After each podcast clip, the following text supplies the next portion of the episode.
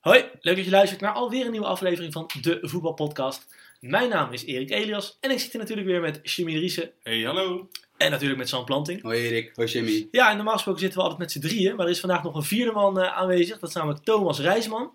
Thomas eh, is een freelancer en die maakt allemaal hele mooie documentaires. En nu is hij bezig met een documentaire over ja, voetbalnerds. Hè? Thomas, als je heel hard praat, kan je nog een beetje meedoen? Dag mannen, voetbalnerds. Ja, de vraag was of jullie dat zijn. Pieter Zwart dat is. Daar gaat het een beetje. Ja, nou goed, hij zijn inderdaad, eh, zijn wij voetbalnerd, is Pieter Zwart een nerd. Komt eh, op YouTube, denk ik, Thomas. Zeker. Komt op YouTube, dus ga dat zeker checken. Want ja, als je onze podcast leuk vindt, vind je dat ook gewoon een hartstikke leuke documentaire om te zien. En eh, wat wij zeggen, Jim? Zeg even dat hij het filmt en niet hier als gast echt. Nee, hij staat inderdaad te filmen. Ah, Was dat niet duidelijk, denk je? Nee. hij staat met een camera met een mooi rood lampje staat hij eh, te filmen. Dat vinden we hartstikke leuk. Maar goed, daar luister je natuurlijk niet voor. Je luistert voor onze voorbeschouwing. We hebben natuurlijk alle groepen gehad. A tot en met, eh, groep A tot met H hebben we helemaal aan elkaar getrokken. Weet je alles van nu. En ja, er waren heel veel WK-vragen in de mailback gekomen. Die hebben we eigenlijk anderhalve week uitgesteld. Dus ja, sorry daarvoor. En die gaan we nou gewoon eens even aflopen. En de eerste vraag is van Richard NL82. Ja jongens, de vraag is misschien moeilijker dan die lijkt. Maar wie wordt eigenlijk topscorer dit eh, WK? Ja, ik, ik, ik, zelf eh, heb even een beetje gekeken in, in, eh, in de registers van de geschiedenis. En de laatste jaren heb je niet zo heel veel doelpunten meer nodig om topscorer te worden. Vaak zes of vijf doelpunten is genoeg om, om topscorer te worden. Dus kom je in de, in de poolfase al een, zwakke broeder tegen, dan kan je toch al best, best hoog komen. En ik denk zelf, een, een Timo Werner, die heeft nou echt een basisplaats. Eh, ja, die, die Ja. zie ik wel eh, in als topscorer. eh. Ik heb hier de bookmakers favorieten. Favorieten zijn eh, de usual suspects. Dat Messi en Neymar zijn de topfavorieten. Gevolgd door Griezmann. Voor Griezmann krijg je al 12 keer je geld. Dus dat zie, dan zie je alweer dus hoe, eh, ja, hoe, eh, hoe brandbaar deze, deze markt eigenlijk is. Want het is dus inderdaad eigenlijk niet voorspellen. Bijvoorbeeld James Rodriguez was topscorer vorig WK. Ja, Wesley Sneijder is een keer topscorer Precies. geworden. Ja. Middenvelder van Colombia of Nederland. Nou, daar Ja, ga je al. officieel werd Ja. Sneijder het niet. hè. Het werd, Omdat Müller had meer assists of zo, zoiets. Of Ja, Forlan of zo. ja, of minder speelminuten en meer Ja. assists. In ieder geval Sneijder heeft vijf keer gescoord een keer. Ja. Maar je hebt er nog een beetje de andere usual suspect. Cristiano Ronaldo. Ik denk dat Portugal niet heel ver gaat op dit toernooi komen. Dus eh, dat is er eentje. Gabriel Jesus. Daar hebben we het zo meteen nog over. Harry Kane. Timo Werner. Romelu Lukaku. Diego Costa. Ja. Luis Suarez. Maar je hebt nu eigenlijk iedereen opgevoerd die spits is of goed. Maar wie wordt het nou? Eh, ik denk zelf, ik ga zelf eh, voor Gabriel Jesus. Omdat, ja, toch... Nog boven Neymar? Ja, ik wou Ja. eh, neem maar. Ja, ja, omdat ik dus denk van... Neymar heeft het voordeel natuurlijk dat hij de penalties vrij trappen neemt bij bij Brazilië. Maar ik denk dat Gabriel Jesus... eh, ik denk dat Brazilië de finale haalt. Dat Helpt is- altijd, hè, als je wat meer Ja. wedstrijden hebt. Ik denk dat hij zes wedstrijden minimaal zal spelen. Ik denk dat Firmino misschien in, eh, in één poolwedstrijd ook nog een, eh, snap je, wat speeltijd krijgt. Dus nou ja, dan heb je zes keer in een spitspositie in het team wat in mijn ogen waarschijnlijk de meeste kansen gaat krijgen op dit WK. Eh, en daarnaast is Gabriel Jesus natuurlijk gewoon een verschrikkelijk goede spits. Maar je noemt nou wel dat eh, Brazilië de finale haalt. Maar in principe, de, de laatste vier die spelen allemaal een extra wedstrijd nog natuurlijk. Ja. En, en van de laatste jaren, eh James Rodriguez kwam tot de kwartfinale. Thomas Müller werd derde. Miroslav Klose werd derde. Dus de laatste drie Ja. topscorers zaten allemaal niet in de finale. En ik heb ook gelezen dat het een beetje onzin is om in te zetten op, op topscorers die in een zwakke groep zitten. Dat de meeste goals worden echt wel gemaakt in de latere eh, rondes, zeg maar. Alles bij elkaar genomen. Ja, ik zou zeggen, wie er bij Spanje in de spits staat, heeft ook goede kansen hoor. Die komen ver. Er staat onwijs veel creativiteit omheen, maar niet per se scorend vermogen. Het is toch een Diego Costa, denk je dan? Ja, ik weet niet of die gaat spelen, of Rodrigo, Jago Aspas. Thiago Aspas, maar die, die laat zich wat meer zakken. Hè? Nou ja, ik, ik heb eh, in de documentaire van Thomas heb ik al gezegd dat, eh, althans in de beelden heb ik gezegd dat eh, Duitsland wereldkampioen gaat worden en ver gaat komen. Ja. Dus eh, ja, en Werner is echt eerst spits. En ja, Thomas Müller zit er wel bij natuurlijk, scoort altijd op een WK. Maar ik, ik denk dat Timo Werner echt, eh, echt de goalgetter van dit toernooi gaat Heb je worden. daar een bepaalde odd voor, Sam? Een, een, een bedrag wat je terugkijkt? Timo Werner is eh 14 keer je geld. 14 keer. Eh, Gabriel Jesus 15. Dus dat is ongeveer, die krijgen ongeveer dezelfde kans toebedeeld. Eh, de andere die ik wil noemen is ook wederom gewoon een, een, een piepjong iemand die we eigenlijk al kennen. En die eh, ook veel kansen zal krijgen. Ik denk dat Kylian Mbappé er ook een paar inschiet bij Frankrijk. Ja, maar, maar die, ja, dan heb je toch al gauw voorhoeders die meerdere mensen hebben die gaan scoren. Dus dat neemt ook weer de kans dat hij zelf gaat scoren, neemt ook weer af natuurlijk. Ja, maar het is natuurlijk, kijk, we- weet je waarom? Kijk, normaal gesproken ben ik erg tegen narratief gebonden keuzes maken. Maar het WK heeft toch altijd een beetje bij bepaalde spelers dat narratief dat ze, snap je, van goed naar wereldtop gaan. Dat ze toch een beetje hun coming-out party hebben van, eh, oké, nu weet de hele wereld wie ik ben. En ik zie Mbappé en Gabriel Jesus zijn wel goed genoeg natuurlijk om een keer dan een keer in een belangrijke wedstrijd de drie in te schieten. Ja, eens. Nee, zeker. Dus eh, ja, een hoop mogelijkheden. Er is niet één uitgesproken allerbeste speler op dit toernooi. Die heel ver gaat komen. Kijk, Messi weten we niet zeker of hij ver gaat komen. Nee, ja, ik vind, vind het apart dat, dat Messi toch nog zo hoog staat. Want ik, ja, ik vind het... Als je die verdediging van Argentinië ziet. Ik denk echt niet dat hij ver gaat komen. Ja, maar toch hebben we al gezegd, ja... eh, Ze hebben geen goede verdediging, toch krijgen ze weinig tegendoelpunten. Ze hebben een wereldaanval, maar scoren toch weinig goals. Ja, maar gaat Argentinië ver komen? Nee, nee. Nee, ja. denk het niet. Dus dan zou hij in de groepsfase helemaal los moeten gaan. Ja, ja is, is kwartfinale ver? Hey, Aan de andere kant, het is Lionel Messi. Ja, het is eh, Messi. daar gaan de regels niet zo voor op. Nee, ik hoorde niemand Ronaldo noemen. Vind ik wel opvallend. Nee, maar ja, dat zit eigenlijk hetzelfde een beetje als bij Messi. Ik, ik, kijk, ze zijn Europees kampioen geworden. Helemaal goed. Maar ik, ik zie Portugal ook niet zo heel ver komen. Wel uit, wel uit de groepsfase. En daarna hebben ze inderdaad, kunnen ze die makkelijke loting krijgen van groep A. Maar ik denk dat het daarna wel gewoon einde verhaal kan zijn. En tegen Marokko, ze spelen tegen ehm, drie defensief goede ploegen in de poolfase al. Marokko, Iran en vooral Spanje. Mm. Want natuurlijk tegen Spanje zal je de bal niet hebben. Nee, precies. En Marokko is, eh, nou ja, die bizar vaak de nul gehouden in de kwalificatiereeks. Iran is ook een ploeg die op de tegenaanval eh, speelt. Eh, ik denk dat Ronaldo, eh, ja, gewoon, ik denk dat Ronaldo maximaal vier wedstrijden heeft op dit WK. Oké, volgende vraag. Het zijn eigenlijk eh, twee dezelfde vragen. Jens Albers, hoi. Welk land gaat volgens jullie de Costa Rica van dit WK worden? Oftewel de grootste positieve verrassing. En Matthew Last die vroeg ook ongeveer zoiets. Ook benieuwd naar welk land volgens jullie de verrassing van dit WK gaat worden. Is er bijvoorbeeld op basis van statistiek een land dat wel eens beter kan presteren dan wij op basis van naam en status verwachten? Laten we met die laatste beginnen. Is er een land dat op basis van statistiek beter kan presteren dan wij op basis van naam en status verwachten? Nou, ik, ik denk dat, dat, dat de kleine ploegen onterecht al te snel ne- ne- neer worden gezegd als dat ze helemaal geen kans hebben. Juist in het korte toernooiformat heb je altijd een kans. Je, je, kan met, je kan in principe kan je zelfs met drie gelijke spelen, kan je doorgaan. Precies. Dus, en, en ja, van daaruit zijn het de play-offs, zeg maar, de, de, de knock-out fase. Ja, ook daar kan je zonder overwinning, kan je in principe doorgaan. Nou, bijvoorbeeld een cijfermatige trend die ik interessant vind, is de continuïteit bij Denemarken. Dat die al een hele tijd met dezelfde ploeg spelen. Maar ook wel oud zijn al, hoor. Ja, relatief. En die ploeg is heel erg rondom Eriksen gebouwd. Nou, dat is een speler die goed genoeg is om, eh, om een verrassingsploeg omheen te bouwen. Misschien is die een beetje te makkelijk. Ik heb eh, voor de mensen die, eh, deel, die deel 2 van de WK-voorbeschouwing hebben geluisterd, weten dat ik een zeer hot take heb over eh, Tunesië. Dus dat zou, eh, ik, eh, ik denk dat Tunesië mijn verrassingsploeg wordt.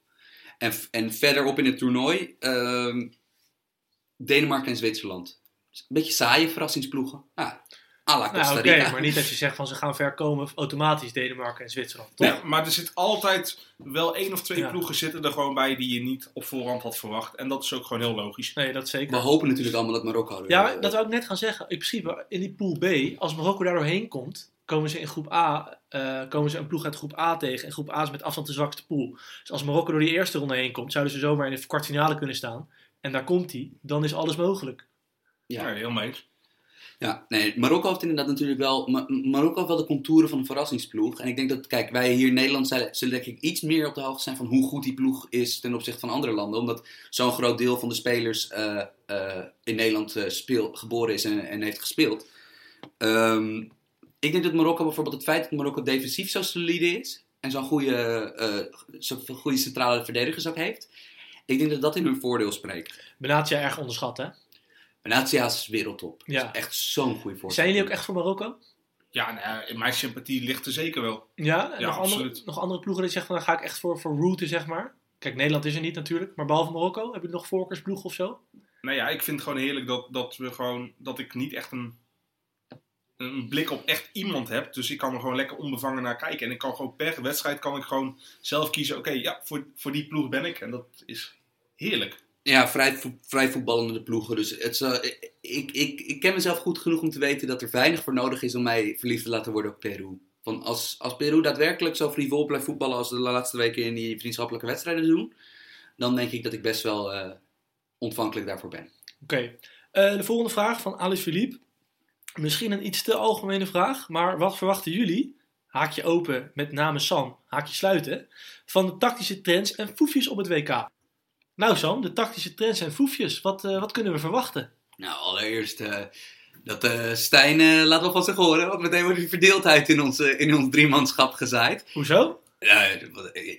Jij en Jim kunnen volgens mij ook genoeg verstandige dingen over, over voetbaltactiek vertellen. Nee hoor, leuke vraag. Ik denk zelf dat het verhaal wat je vaak hoort over internationale eindtoernooien is dat er weinig tactiek is. Want, snap je, die nationale ploegen zijn weinig met elkaar in dit moderne tijdperk. Snap je, dus beperkte trainingstijd, eh, spelers hebben ook clubbelangen, noem maar, maar op. Ik denk toch dat de bepaalde trend die wij zullen zien, een tactische trend uit het clubvoetbal die wij ook hier zullen zien, is de pressing. Want toch gewoon eh, is de pressing, niet de, deprimerend, maar de, Maar de ook, in de groeps, ook in de groepsfase. Dus. Ook in de groepsfase. Omdat er, zijn, er zijn zoveel ploegen in het moderne voetbal. Zeker als je de statistieken erbij pakt. Hè? Dus als je bijvoorbeeld naar van die goede Mhm. sites, Statsbomb of 538 of wat dan ook. Het is duidelijk dat ploegen pressen als nooit tevoren. Bijna elke ploeg speelt, snap je, een bepaalde vorm eh, van druk zetten. Ja. Dat, blijft, dat zit toch ingeslepen in die spelers dan. Dat heel veel ploegen, eh, ja, ze hebben toch gewoon spelers die natuurlijk al, snap je, als bijvoorbeeld een eh, goed gegenpressen, dus als ze de bal kwijt zijn, dat ze, dat, dat ze hem snel opjagen.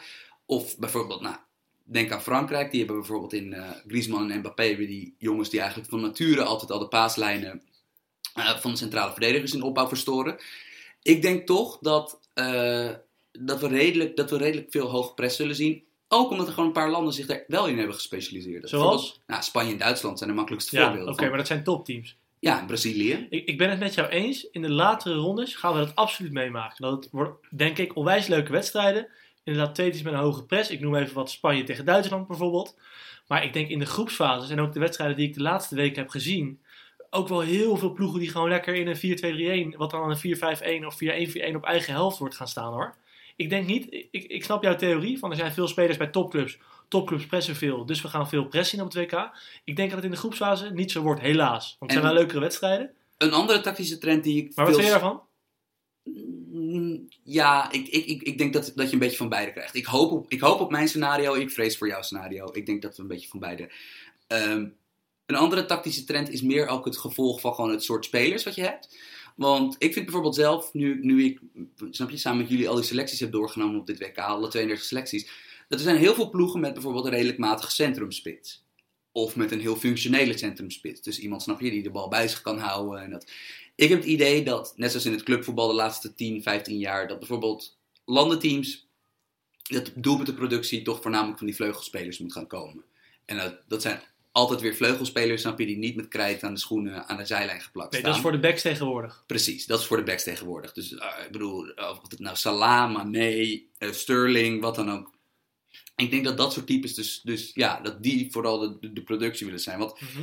ja, weinig, heel, weinig veel klassieke centrumspitsen. Nee, en dat is inderdaad meer een spelersprofiel. Eh, wat we ook veel hebben gezien in de afgelopen jaren in het clubvoetbal, is toch de driemansverdediging. Hè? Maar op het WK lijkt het erop dat er heel veel ploegen zijn die 4-2-3-1 gaan spelen.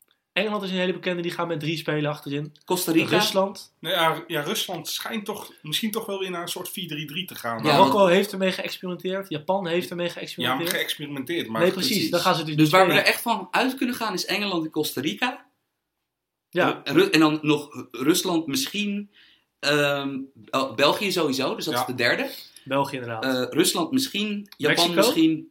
Nee, Mexico Nee. niet meer. Zuid-Korea heeft de laatste keer geëxperimenteerd met 3-5-2, dat ging niet goed. Oké. Eh, dus ja, er zijn drie teams die sowieso met een driemansverdediging. Dus dat loopt nog een beetje achter op Als je dat ziet met de topcompetities. Ja, de en echte toppers, gek genoeg. Argentinië is een andere die zou kunnen, Ja. als het niet loopt eh, in Ja. het huidige systeem. Maar ik vraag me dat soms wel eens af. Ik weet niet hoe jullie daarover denken. Dat zeg maar, het is een trend geweest. Steeds meer mensen zijn met drie achterin gaan spelen. Maar de echte toppers, Real Madrid, Barcelona, eh, Manchester City. Oké, die, die spelen met een back aan de binnenkant. Eh, PSG zijn toch wel ploegen die wel gewoon nog met vier verdedigers Maar spelen. moet je ook even naar het trainersprofiel kijken van een gemiddelde bondscoach. Dat zijn meestal niet de grootste vernieuwers. Nee, nee, duidelijk. Het is ook wel een lekker baantje natuurlijk. Tenzij je potten verliest, dan is het minder leuk. hey, dat was de mailbag. Eh dankjewel. We staan er gewoon voor open nog tijdens het WK. Blijf gewoon vragen insturen. Eh, we gaan één of twee keer per week podcast tijdens het WK, jongens. Ja, we moeten even kijken hoe het werktechnisch allemaal gaat. Maar Ja. we proberen natuurlijk gewoon eh, twee... We eh, proberen zo vaak mogelijk. twee of drie. Ja. Misschien doen we één keer per week een mailback of zo. Maar blijf het gewoon insturen. Want ja, tijdens het WK eh, genoeg over te praten natuurlijk. Hey, eh, het WK komt eraan. Eh, op het moment dat deze podcast uitkomt, eh, is het morgen staat het voor de deur. Wat is nou voor jullie een beetje je mooiste WK-herinnering? Ja, voor mij is het eigenlijk vrij simpel. 1998. Dat was echt een gouden generatie van Nederland. Nederland speelde leuk voetbal. Nou ja, goed, de eerste wedstrijd ging niet zo heel goed tegen België natuurlijk. Maar ja, het- was op alle fronten was het een geweldig WK. Komt ook door mijn leeftijd. Ik zal toen een jaar of 15 geweest zijn. Eh, ja, je zit echt gewoon... Toen ging ik echt... Toen werd ik pas echt voetbalgek door eh, het WK 98. Eh, ja, Bepaalde momenten, welke staan je nog bij? ja, sowieso de, de paas van Frank de Boer op Dennis Oh. Bergkamp. Dat je dat live gezien hebt, joh. Ja, ben je helemaal gek zeker. ja en, en ook eh, ja, de, de moeilijke winst op eh Joegoslavië met Davids met kramp in zijn benen dat hij toch nog schiet. Bergkamp die rood had moeten Had hebben. rood moeten hebben die, die op een speler ging staan inderdaad. Dus ja, het was geweldig. En ja, ik, ik baal nog steeds van dat de scheids van Hooydonk geen penalty heeft gegeven toen. Want Frankrijk was bang van ons, jongens. Ja, echt. Die ik waren hoor- echt bang van Ik ons. hoor even ten Apel nog roepen. Ze panel scheids! Ja, ja, en dat was het ook. En dat is later ook gewoon toegegeven. En ja, het, het doet nog steeds pijn, maar ja, ik, vond het een geweldig WK. Maar, maar niet alleen Nederland. Ik, ik, ik ben toen ook gek geworden van Mexico, die shirtjes. Blanco eh, met zijn gekke kikkersprong. Sala Samorano. Ja, absoluut. Ja, geweldig. Sam, wat is een beetje jouw eh, WK-herinnering? Ja, ik heb, ik heb een anekdote. Het is een beetje een vreemde anekdote. Het is redelijk kort geleden, acht jaar geleden. 2000, WK 2010. Eh, ik had mijn examenuitreiking op de dag van eh, Nederland-Brazilië. De Wesley Sneijder Eh, een middelbare school? middelbare school. Ik, ik zat op het Vossies Gymnasium, een elitaire school, waar ik toch wel een redelijke kuttijd heb gehad. Ehm, ik wist dit van tevoren al. Van, ik zag dat in de, in de kwartfinale waar Nederland het meest logischerwijs zou eindigen, eh, dat dat op die dag was van onze eindexamenuitreiking. En Allah, eh, de tijd kwam naar buiten van eh, hoe, hoe laat eh, ehm, eh, die, die uitreiking was. En uiteraard, die uitreiking was, volgens mij begon Nederland-Brazilië om 4 uur. En die uitreiking was om 2 uur. Dus no way dat die op tijd af zou zijn. Nou ja, mijn vader, even als ik voetbalgek, maakte daar een probleem van. Die ging ook, want die moest dus ook naar mijn uitreiking komen kijken. En die is gaan klagen bij de schoolleiding van jongens, kunnen we het niet een uurtje vervroegen? Echt? Wat een legend. Ja, wat legend. Dus bij, snap je, alle voetballiefhebbers zijn een jaar gaan, was hij natuurlijk weer een held. Ehm, nou, dat werd op, op het, eh, snap je, het hoogwaardige Fossies werd dat echt schamper weggelachen. Ah, wijken voor voetbal. Terwijl Ja. al snel bleek bij de leerlingen van, ja, dit was een redelijk, eh, dit was een redelijk probleem. Van, ja, Nederland-Brazilië. Eh, nou ja, vervolgens is de uitreiking met een half uur vervroegd. De klok was ondertussen, het begon om half twee. Tegen vieren werd de onrustige schuif. De, de andere compensatie was dat eh, we zouden op groot scherm in de, in de plek waar die uitreiking was, zouden we met z'n allen WK gaan kijken. Het is wel lekker. Een biertje van de school erbij. Ja, en rond vieren was bijna iedereen was, eh, aan de beurt geweest met het praatje wat ze kregen en dit en dat. Maar eh, ja, nog één iemand niet. Om vier uur. En toeval of niet, was dat mijn praatje. Wat natuurlijk, ja, die, en ik weet ook van die mailwisseling die mijn vader met dat schoolhoofd had. Van ja, dat, dat, dat is gewoon absoluut expres gedaan. Dus nou ja, dat was... eh, Dat is wel heel triest. hoor. ja, dus ik heb een, exa ik heb een examenpraatje gekregen in een, in een zaal waar eerst nog duizend mensen zaten. zaten er nog 200 binnen. Want 800 mensen waren weggelopen om zeg maar op een ander scherm met 2K te kijken. Eh, nou ja, en gelukkig, eh, het scherm ging aan. De tegengoal van Brazilië pikten we nog net mee. En vervolgens, nou ja, al snel werd, het, werd de euforie, kwam weer terug in de tent. En hebben we alsnog een heel leuke eh, ja, uitreiking gehad. Ja, en dat er niemand meer in de zaal zat is ook niet heel erg. Toch? Nee, maar het was een beetje, het was een beetje, is een, beetje een symbolische botsing tussen zeg maar, het elitaire milieu waar, waarin ik op die school zat en, eh, snap je, mijn, mijn liefde voetbal. Zou, zou, jij nog, zou jij nog in de uitreiking zijn geweest als, als het niet om jou ging? Oh nee, ik had tegen mijn vader gezegd van als die, als die, uitreiking, als die uitreiking begint, eh, of eh, snap je, als die uitreiking nog bezig is en de wedstrijd begonnen is, dan moet je gewoon weg zijn. Want ik wil dat je die wedstrijd kijkt. Ja, en dat ze dan jou als laatste doen is wel een beetje triest natuurlijk. En voor mij is het ook gek genoeg WK 98. Eh, ja, Was je er toen al? ja, ik was toen vier. En ik kan me niet herinneren dat ik live iets heb gekeken of wat dan ook. Maar ik was wel gek genoeg al helemaal met voetbal bezig en alles. En eh, mijn moeder had op een VHS-band eh, een paar wedstrijden gezet van Nederland. En van de NOS het overzicht wat ze altijd maken van een uur en een kwartier. Yes. En ik zat, eh, ja, ik zat voor school, zeg maar groep 1 of groep 2, elke dag naar die banden te kijken. Elke dag. Dus op een gegeven moment, daarom weet ik ook zoveel van dat WK. Ik, ik kon echt, ik kon de, de commentator kon ik meepraten. En wat vond vierjarige Erik het mooist? Ja, ja eh, eh, gewoon Oranje dat wint en zo. Maar het is wel grappig. Ik, ik, ik, van huis uit heb ik nooit helemaal dat voetbal meegekregen of zo. Maar ik moest dat voetbal kijken. Die band, elke ochtend ging ik vroeg uit mijn bed en ging ik die band kijken. Dus ik heb niet echt een specifieke wedstrijd of zo. Maar voor mij, WK 98 is mee begonnen. Jim, jij was... Hoe oud was jij toen in Nederland EK won in 88? Toen was ik vijf. Heb jij iets, kan je daar iets van herinneren? Eh, ja, de, de, dat de, de spelersbus door Nederland ging rijden. En eh, met, met alle viaducten helemaal vol en zo. eh. Maar qua wedstrijden zelf, eh, pas als ik ze echt terugkijk, dan herinner ik me wel vlagen. Maar niet echt eh, dat je denkt van ik kan heel dat EK terugvertellen, omdat ik er toen al was. En WK 90 dus wel? Ja, WK 90 was ook het eerste boek, eh, Panini-boek wat ik ging Oh, sparen vet, natuurlijk. Dus toen kwam mijn vader thuis eh, een keer eh, voor mijn broer en eh, voor mij eh, met, met twee lege boeken en eh, twee echt van die volle dozen. En toen mochten we sparen. En eh, ja, de spelers van Uruguay die waren geweldig, want die hadden mooie blauwe shirtjes. Dus ja, dat, eh, sindsdien eh, is eigenlijk het voetbal nog eh, Mooi, mooier geworden. Dus het begint wel vaak met een WK. Mag ik even zeggen dat ik het eeuwig zonde vind dat jullie niet dit jaar Panini paardjes uh, ik, ik heb dat nooit gedaan, man. Nee, ik, ik, ik begin er ook niet meer aan. Nee. Ik voel me zo'n sukkel nu. Ik, Wel, ik, ik, ik heb een kleine opkomst, dus ik moet nou toch even het geld gaan sparen naar andere dingen. Maar over een paar jaar dus, ongeacht of het nou een jongen of een meisje wordt, kan ik dus sparen Ja. met de smoes. Voor mijn kind. Juist. is wel leuk, man. Ja, En tegenwoordig, als je een meisje krijgt, kan hij ook op voetbal. Dus helemaal top. absoluut. Eh, ja, een beetje een rare overgang misschien. Maar er zijn heel veel spelers actief op dit WK. En we gaan even een beetje praten over, joh, eh, wie is nou het grootste talent? En nog wat andere leuke categorieën. Dus laten we daarmee eens beginnen. Van alle spelers, hè, volgens mij zijn het er 768. Guardian had een heel mooi overzicht. En het over elke speler hadden ze een kleine, eh, klein tekstje geschreven. Daar ga ik zeker nog naar kijken, dit WK. Wie vinden jullie nou het grootste talent van allemaal? Die hier actief zijn. Laten we zeggen talent, dat je niet ouder bent dan ik. Eh, voor de luisteraars, Erik is 24. Juist, dan Ja. ben je nog een talentje. Dan denk ik echt Mbappé. Ja, oké, MLB, punt. Ja, ja, die is zo jong en zo compleet al. En Er komt niemand overheen. nee, nee, ja, hoeft ook niet. Het is ook geen schande, toch? Mbappé, Gabriel Jesus. Ja, absoluut goede tweede. Ah, is Jesus beter dan Mbappé? Nee, dat niet. Nee. Nee. Is dat niet eens een begin van een discussie?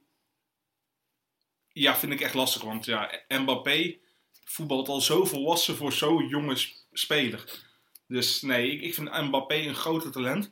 Maar ik wil niet tekort doen aan Gabriel Jesus, want dat is ook gewoon echt een, een wereldtopper in de dop. Absoluut. Eh Asensio heb je een mooie top 3, denk ik. Ja, absoluut. En, en Kimmich, 22?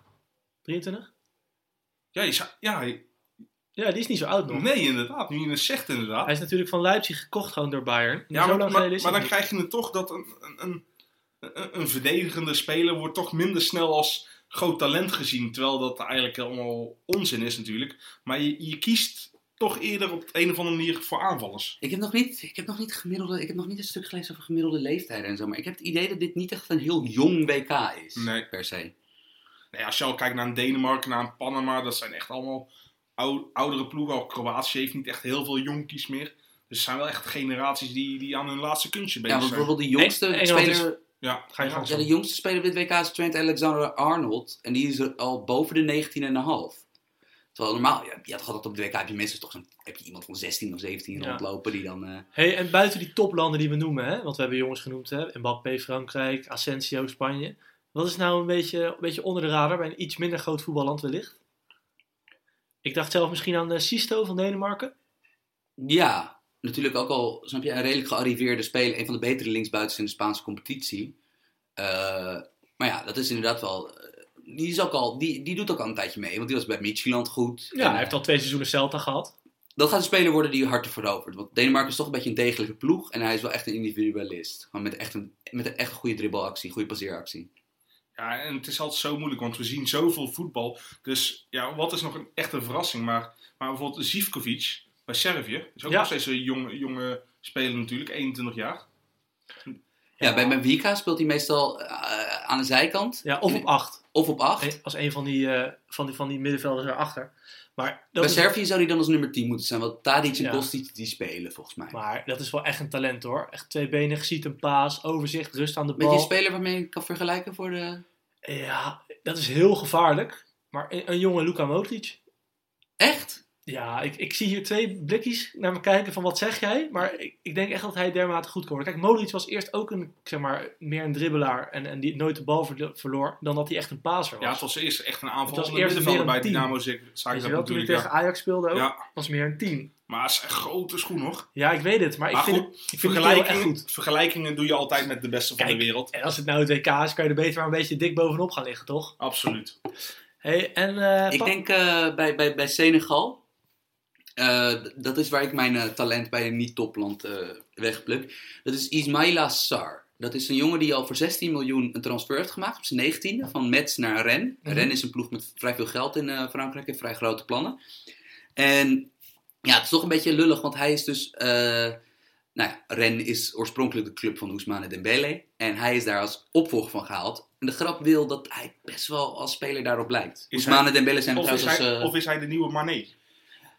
Eh, ja, precies, want eh, Sen- snap je? Rappen Senegalees en dan heb je maar. Nee, eh, dat is een buitenspeler die echt alle talent van de wereld heeft. Want hij heeft namelijk wat de beste buitenspelers ter wereld hebben, de grootste talenten. Dembele moeten we trouwens ook nog als een van de allergrootste talenten noemen. Ja, absoluut. fair enough. Maar dat hij eigenlijk met bal even snel is als zonder bal. Dat, dat is, dat, en dat zeg maar tempoversnellingen, eh, van richting veranderen.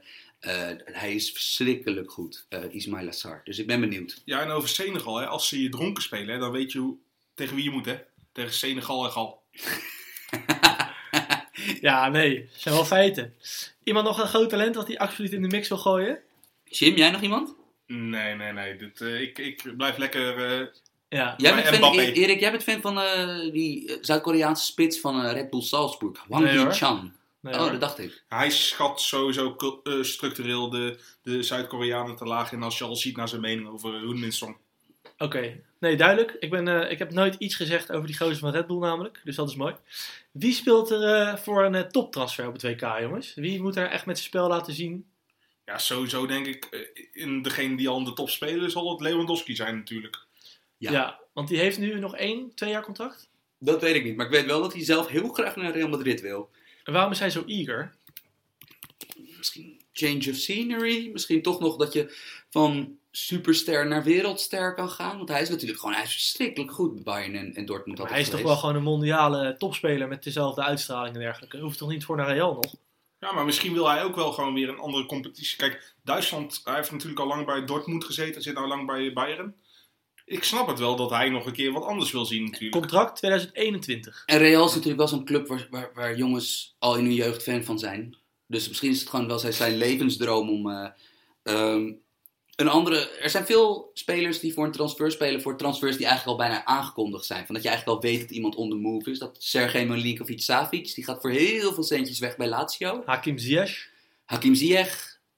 Santiago Arias van PSV. Ja. Die heeft natuurlijk eh, die heeft de clubs voor het Hey, uitkiezen. ik gooi even een rare naam in de mix. Eden Hazard. Zal het ook niet tot zijn 35 bij Chelsea blijven? Nee, dat denk ik ook niet. En, Kleine pool aan clubs die hem kan veroorloven. Nee, maar daarom. Misschien maar- speelt hij daar wel voor. maar we hebben ook al in de gewone podcast gezegd dat misschien Real wel weer terug gaat naar Galactico's aankopen. Nou ja, Ja. met een Hazard haal je wel een Galactico binnen, lijkt ja, mij. zeker. Dat wordt ook wel veel geld weer, hè? En Jim, jij had er een paar bij Argentinië. Die ook, eh, dat vertelde je volgens mij vorige week aan. Ja, ja, Pavon en Mesa. Het is een beetje de vraag wie van de twee gaat spelen. En eh, ja, spelen alle twee nog in Argentinië. En Pavon heeft sowieso een, een, een clausule in zijn contract. Dat hij volgens mij voor 35 miljoen, eh, ik weet niet of het Ja. dollar of euro is. Maar als, als hij gewoon twee keer of drie keer eh, een goede voorzet geeft of eh, een bal goed binnenschiet. En dit zijn spelers die krijgen regelmatig de voorkeur boven die bala, hè? Ja, ja, maar goed, dat ligt er ook aan waar, waar Messi natuurlijk zit, speelt. Speelt Messi wel op de flank, dan kan je die ballen achter de spitsen zetten.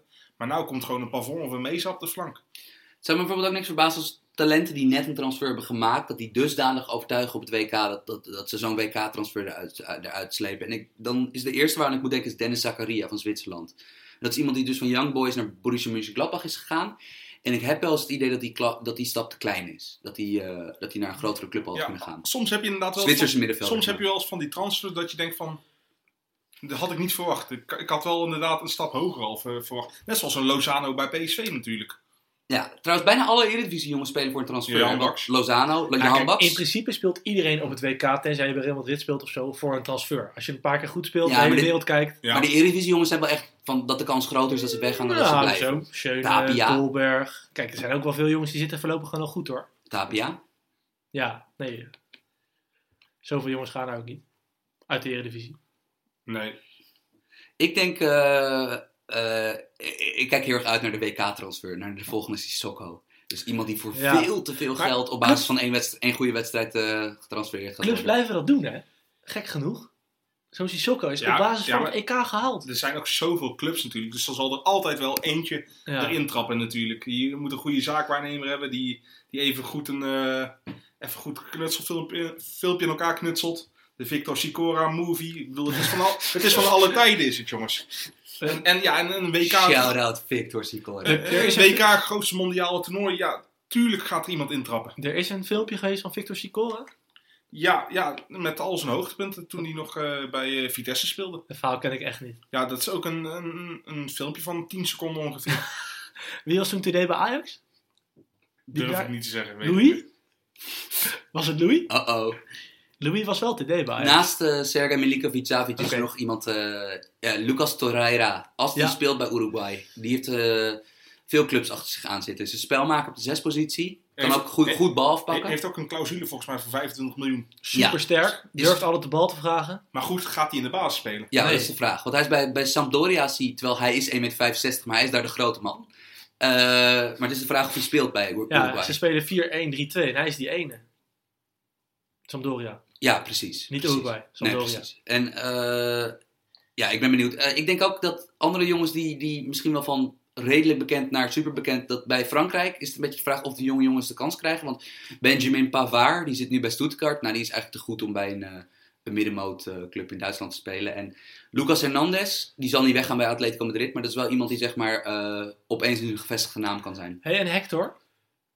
Dat Ja. linksbackie van Duitsland, die nu naar de Ja, tweede Bundesliga gaat. Ja, Die Ja. Het schijnt dat hij samen met eh, Timo Horn gewoon eh, ja, de club trouw gaat blijven. Maar ja, ik moet het nog maar zien nog. Ik zou hem wel bij een grotere club willen zien. Dat is toch niet zo'n, ik bedoel, het is prima speler, maar het is ook geen denderend. Heeft hij gewoon talent. heel erg vermazeld dat er nu geen Philip Laam is of zo? Ja, het is, het is, het wel echt bij gebrek aan beter. Eh, absoluut wel. Oké. Eh, welke speler zal het meest gemist gaan worden op dit WK? Ja, eh, Arjen Robben. Dat betekent namelijk dat Nederland er ook bij was geweest. En dat vind ik heel erg jammer. Nee, met Arjen Robben ben ik het helemaal mee eens. Dat was ook zo'n... Dat is nog steeds een fenomenale dribbelaar. Je, je weet wat hij gaat doen. En toch, door de reactietijd ben je als verdediger altijd te laat. En ja, het is zo sneu dat we hem gewoon nooit meer op een WK gaan zien, jongens. Wat was die gozer goed in 2014? Ongekend. Ja, Ja, ik heb de vraag iets anders. Ik, ik interpreteerde hem namelijk wel als, als van wie van die nu buiten de boot valt bij de huidige selecties van de 32 ploegen. Ja, ja zo, zo was het in principe. Kan je Ja. het ook opvatten. Leroy Sané is natuurlijk een heel extreem voorbeeld. Daar hebben we het in onze Duitsland voorbeschouwing niet over gehad. Maar dat is natuurlijk... Ja, Leu gaat compleet uit van de tactiek waarvoor hij heeft gekozen. Dus dat is met ja, toch een beetje spelmakers aan de zijkant. Snap je? Royce en Müller als eerste opties. Julian Brandt, Julian Draxler als eh, backup opties. Terwijl ja, ik zou denken dat Leroy Sané een geweldige 12 tot 13e man is. Want het, ik bedoel, ja, het is een compleet ander soort buitenspeler. Razendsnel. Snap je? Heeft, snap je? Gaat altijd voor de individuele actie Dat buitenom. was toch een kwartier voor tijd een perfecte invaller geweest? Ja, maar ik had vandaag op werk eh, liet iemand mijn foto zien van eh Leroy Sané. Dat hij een eh, tattoo van 1 bij 1 heeft van zichzelf op zijn rug. Ja, En- na die goal tegen Monaco. Ja, en dat... Als ik dat combineer met zeg maar de, de, de Honigsteins van deze wereld die toch zeiden van ja, dat Leun niet helemaal zeker weet of Sané een jongen is met het ego wat je op de bank kan zetten. Dat het misschien toch iets gedragsmatigs bij hem is geweest. Dat het kennelijk dat hij toch... Volgens mij heeft hij ook vrij makkelijk bedankt voor de Confederations Cup vorig jaar. Ja. Dus dat speelt dan misschien ook mee. Er zijn heel veel jongens in deze selectie die het goed hebben gedaan op die Confederations Cup en mede daardoor mee zijn. Hè? Een Goretzka, Sule, noem ze maar op. Kimmich, Draki, Draxler. dat, Younes? eh, Ja, Younes. Er waren inderdaad mensen die dachten dat hij naar het WK zou gaan. En nog meer spelers waarvan jullie denken die gaan we echt missen? ja, en we gaan hem waarschijnlijk ook nooit op een WK zien. Aubameyang. Ja, die had voor Frankrijk kunnen spelen, hè? en voor Italië zelfs. Oh ja, want zijn moeder is... eh, Nee, hij heeft, hij, heeft als, hij heeft als tiener heeft hij in Italië gewoon. Hij speelde in Milan jeugd. nou, hij is op zijn 13e, 14e van Frankrijk naar... Ja. Hij is in Frankrijk geboren, opgegroeid. Ja. Oké, maar ja, ik weet niet. Aubameyang, ik vind het heel jammer dat hij niet is. Maar dat is voor mij niet de topspits. Ik denk niet nog dat dat een, een absolute wereldvoetballer gaat worden. In de categorie eh Salah. Wie is de beste speler die nu niet op het WK is? We hebben een paar opties. Robben, Mares, Ah, Bale, Gareth Bale. Ik denk, Benzema. Benzema, Insigne. Insigne is dat wel goed bij Napoli, maar niet niveau Ronaldo Nee. Bill. Nee, oké, maar ik noemde een Italiaan. Ja, ja. Buffon, of- Ja, Chiellini Chiellini, zou je dan nog kunnen Chiellini. noemen. Maar ja, dat is ook zo afgezaagd natuurlijk. Ja, ah, Robben. Kijk, dat is een beetje heel chauvinistisch, maar dat is qua buitenspelers nog wel een van de betere van de Ja, wereld. nou, ja, Ale- Ale- Alexis Sanchez, jongens. Alexis Sanchez is natuurlijk... eh, Nou, ik denk toch misschien wel... Qua clubstatuur, Rob inderdaad misschien dan wel. Dat, eh, Gewoon een van de betere spelers van Bayern München. Ja, en natuurlijk ook eentje die we gaan missen terwijl hij er is, is Dybala. Dat is natuurlijk wel raar.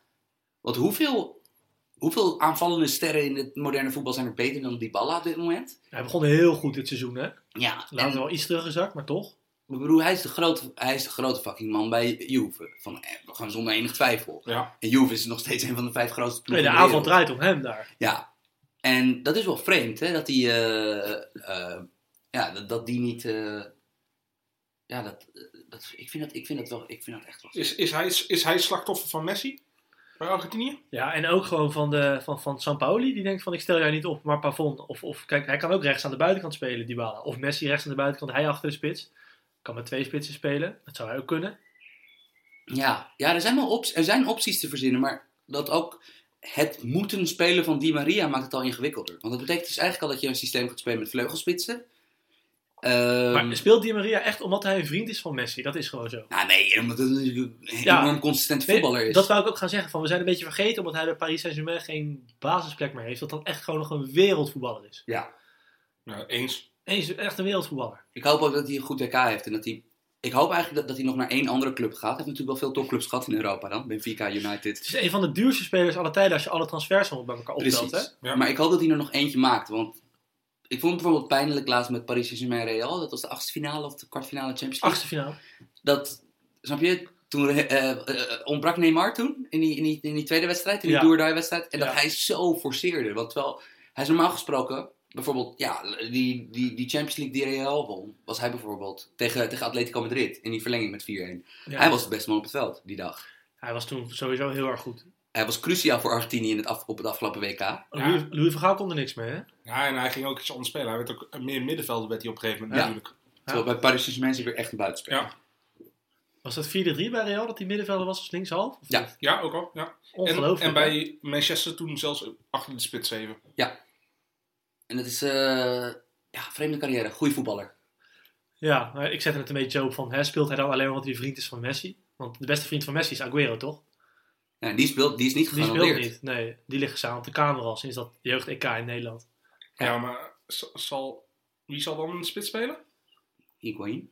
Ja, nog steeds wel, denk je? Pipita, denk ik. Nou, als je kijkt naar wie er uiteindelijk in de basis stond in de do-or-die-wedstrijden van Argentinië, lijkt dat toch Higuain te gaan worden. Nou, dan zou ik eh, toch wel mooi vinden als eh, Aguero een, eh, een, een super sub rol op zich neemt en dan zich langzaam in een team gaat voetballen. Dat zou mooi zijn. Ja, Gewoon weer een heel goed seizoen gehad ook bij City. hey, eh, wie gaat het WK winnen, jongens? Ik eh, zit eigenlijk. eh, ik heb heel lang eh, Frankrijk gedacht. Nou, na de laatste oefenwedstrijden neig ik ook naar Brazilië. Maar ik zie eigenlijk Duitsland wel gewoon als, gewoon als een geweldige ploeg. Gewoon. Ja. Duitsland wordt wereldkampioen. Maar die hebben niet heel goede oefenpotten gehad, toch? Nee, maar ja, dan, dan is de vraag maar oké, van ja, hoe, goe- hoe goed moet een oefenpot zijn om, om ook daadwerkelijk voor te beduren na het WK?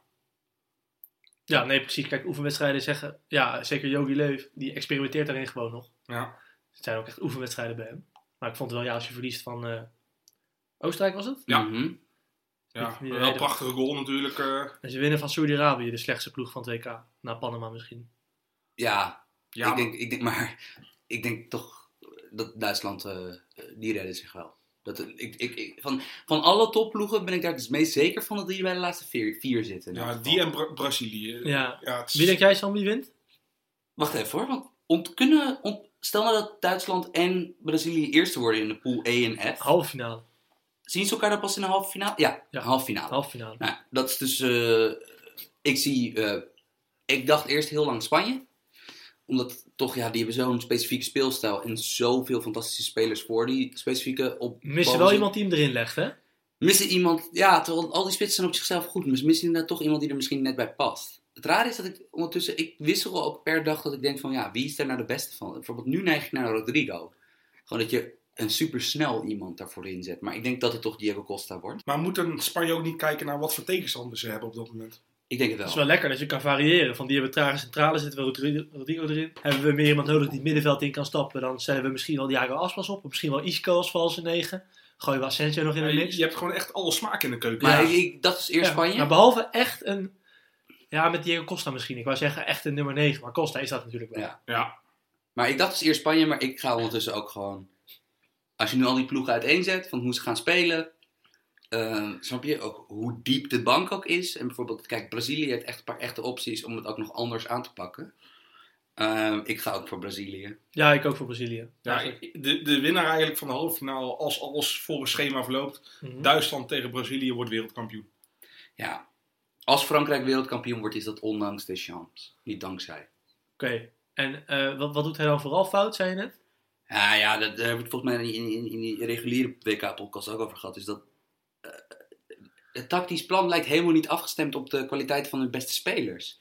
Bijvoorbeeld laatst speelden ze echt weer dus helemaal gericht op Giroud. Zodat het eigenlijk gewoon weer een 4-3 was die vooral bedoeld was om hoge ballen hoog voor de pot te gooien. Nou, sowieso al niet de meest efficiënte strategie. Laat staan met zeg maar geweldenaren je, echte geweldenaren in je team als Griezmann, Mbappé, Pogba. Van je kan zoveel kanten op met deze ploeg. Maar voorwaarde is wel dat dat over de grond gaat. En dat dat wel een be- bepaald tempo gaat. En ook wel met een bepaalde dynamiek.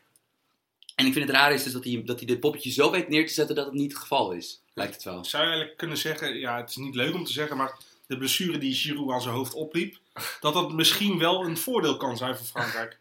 Nou ja, als dat betekent dat die Dembélé, eh Ousmane Dembélé of eh Fekir in de basis staat.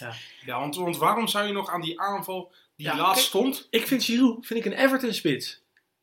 Die moet niet eh, bij Frankrijk in de basis gaan staan voor een WK-kandidaat. Ja, als, dat... als je tussen Giroud en Griezmann kan kiezen, terwijl je flanken daardoor niet minder worden, want je hebt Dembele en, Ja, man. en, en Mbappé. Nee, helemaal met je eens, man. Ja, Ja. ja. ik kan er niet bij. Maar goed, ik ben, ik ben ook geen bondscoach. Ik heb ook geen WK WK-finale gewonnen, jongens, dus wat weet ik ervan? Nou ja, best wel wat, Jim. Nou, we hebben inmiddels drie podcasts opgenomen over het WK. Bij elkaar eh, ongeveer drie uur eh, luistermateriaal, iets meer dan drie uur. Het mag nu al beginnen, hè? Ja, nou, het mocht voor mij vorige week eigenlijk al beginnen. Ja, het mocht voor jou één dag na de CL-finale mocht het beginnen. Ja, absoluut. Ja, ik heb er zin in. Ja, het wordt top. Eh eerst volgende podcast gewoon die maandag, denk ik. Deze komt op woensdag uit, woensdagavond, woensdagmiddag. Ja, laten we het uh, Laten we het die maandag pakken dan? Ja. Ja. En eh, ja, je hoort van ons wanneer het, eh, of één keer per week, twee keer per week. We hebben ook nog een leven naast het podcasten. Maar eh, we proberen zo vaak mogelijk. Zeker. Yes. Hey, tot ziens weer. En stuur vooral je vragen in op de Wilbeck. Doei!